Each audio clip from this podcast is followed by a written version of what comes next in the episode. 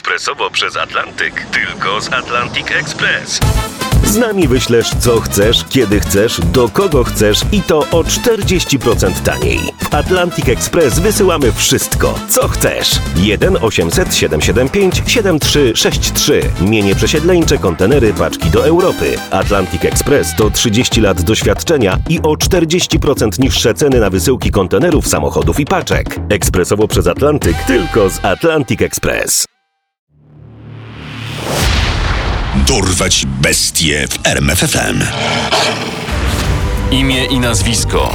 Henryk Moruś. Oskarżony o Popełnienie siedmiu morderstw. motyw. Rabunkowy. Skazany na Karę śmierci. Zamienioną na dożywocie. obecny status. Nie żyje. Zmarł w 2013 roku z przyczyn naturalnych. Był marzec 1986 roku. Henryk Moruś, 43-letni murarz spod Piotrkowskiego Sulejowa, jak to często bywało, urwał się z pracy. Nie podobało się to jego kolegom, a zwłaszcza jednemu z nich, niejakiemu Gienkowi Grabowskiemu. W końcu doniósł na Henryka kierownikowi, a ten dał pracownikowi naganę.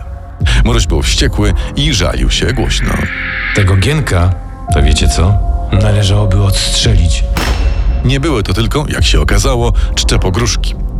Moruś udał się do pobliskiego Włodzimierzowa i tam z pomocą mieszkańców odnalazł dom Grabowskiego.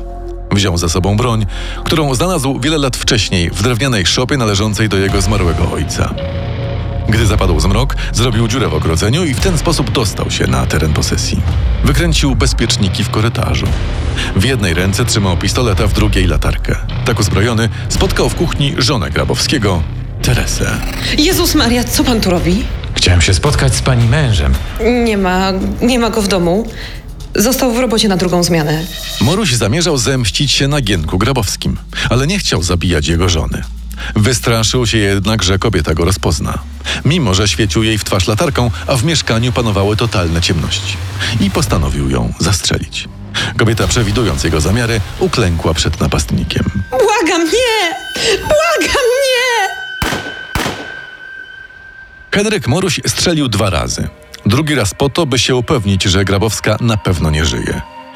Następnie zabrał pieniądze z portmonetki kobiety, opróżnił także barek. Między innymi z radzieckiego szampana i spirytusu. Był to jego pierwszy mord i jedyny, którego nie dokonał dla pieniędzy. Żył wówczas skromnie, ale starczało mu do pierwszego. Niestety po kilku latach z powodu cukrzycy i choroby serca został rencistą, a jego domowy budżet znacznie się uszczuplił. Był jedynym żywicielem rodziny, czyli żony i trzech synów. Dlatego sześć lat po zabiciu Teresy Grabowskiej postanowił, że trzeba zacząć jakoś dorabiać do renty. 14 stycznia 1992 roku udał się do sklepu 1001 drobiazgów, znajdującego się przy ulicy Wojska Polskiego w Piotrkowie Trybunalskim. Wszedł, rozejrzał się po pustym wnętrzu i zagaił ekspedientkę. O której pani zamyka? No jak zwykle, 8. 60-letnia Danuta Krawczyk zginęła na miejscu. Sprawca zrabował 580 tysięcy złotych. Nie zauważył, że w portfelu kobieta miała jeszcze schowane 3 miliony starych złotych. Nie był zachwycony łupem. Dwa dni później postanowił zabić ponownie. Ofiary Morusia były przypadkowe.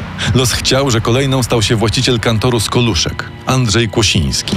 Moruś przyznał się do tej zbrodni w radiowozie, już po aresztowaniu, podczas powrotu z wizji lokalnej związanej z późniejszymi morderstwami. A wie pani, pani prokurator, że ja jeszcze takiego faceta w kantorze w Koluszkach załatwiłem. Zaraz po tej babce ze sklepu. Pewnego styczniowego dnia 1992 roku Moruś krążył wokół dworca PKP. W końcu wsiadł do pociągu zmierzającego do pobliskich Koluszek. Tam upatrzył sobie sklep niedaleko dworca, w którym mieścił się m.in. kantor walut. Przez cały dzień obserwował właściciela kantoru i notował w myślach jego nawyki, na przykład kiedy wchodzi do sklepu i wychodzi. Następnego dnia wrócił w to miejsce, tym razem z bronią.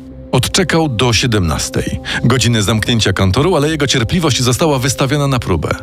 Jedna z koleżanek właściciela kantoru obchodziła w ten dzień imieniny. No chodź, Andrzej, napijemy się!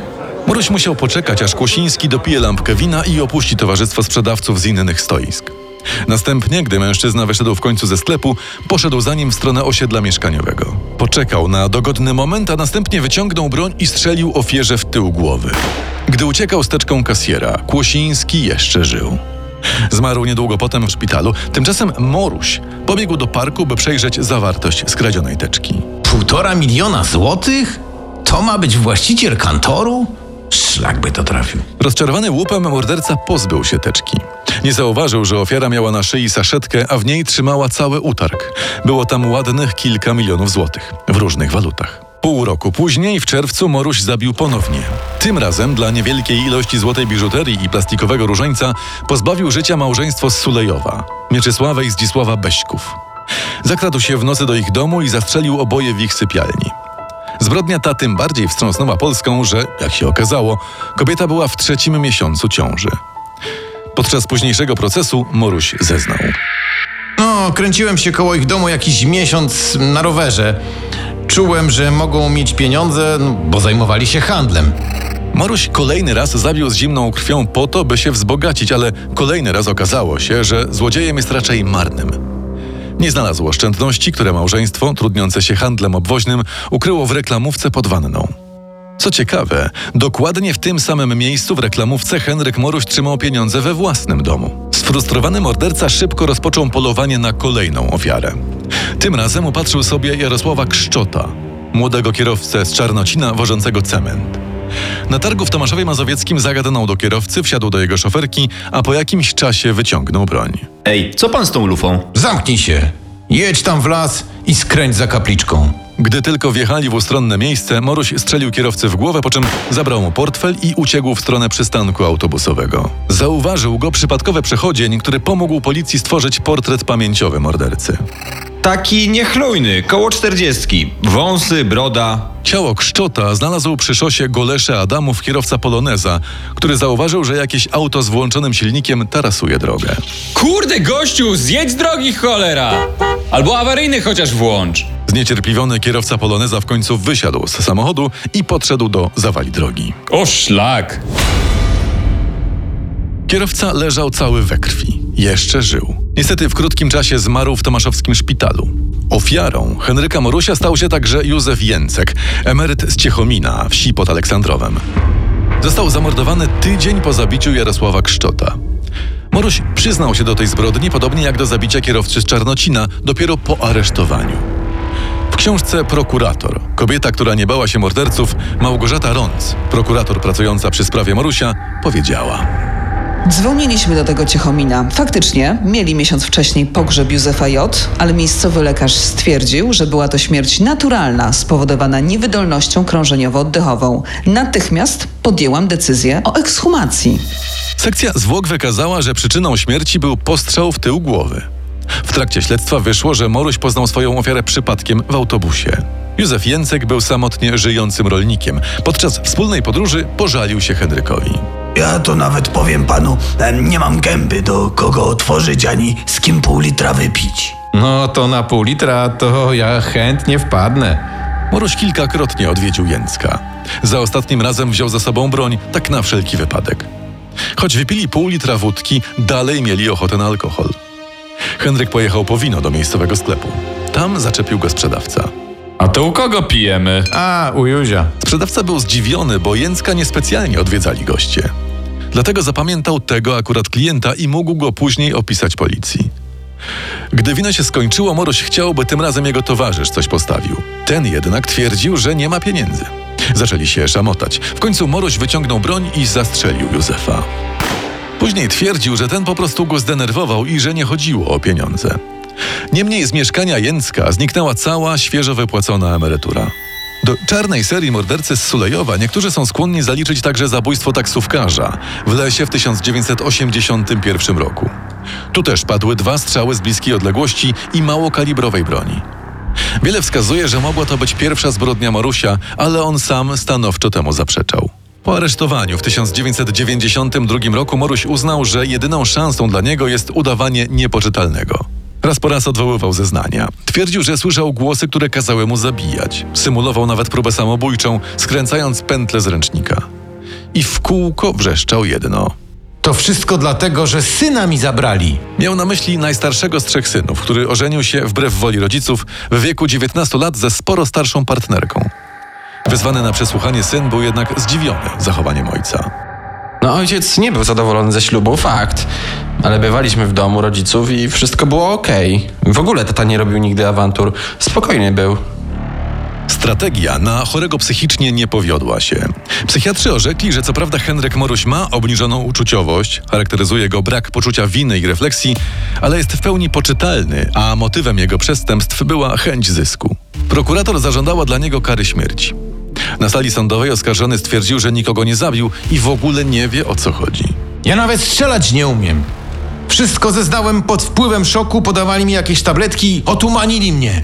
Rzeczywiście dostawał tabletki, ale na obniżenie ciśnienia i na cukrzycę. Dokładnie takie same, jakie zażywał na wolności. Moroś był agresywny i nie wykazywał skruchy, także wobec rodzin ofiar. Podczas jednej z rozpraw obnażył się, czym doprowadził do zawału sędziego. Ostatecznie w 1993 roku Sąd Wojewódzki w Piotrkowie Trybunalskim wydał wyrok. Henryk Moruś został skazany za cztery morderstwa na karę śmierci, za trzy pozostałe na 25 lat pozbawienia wolności.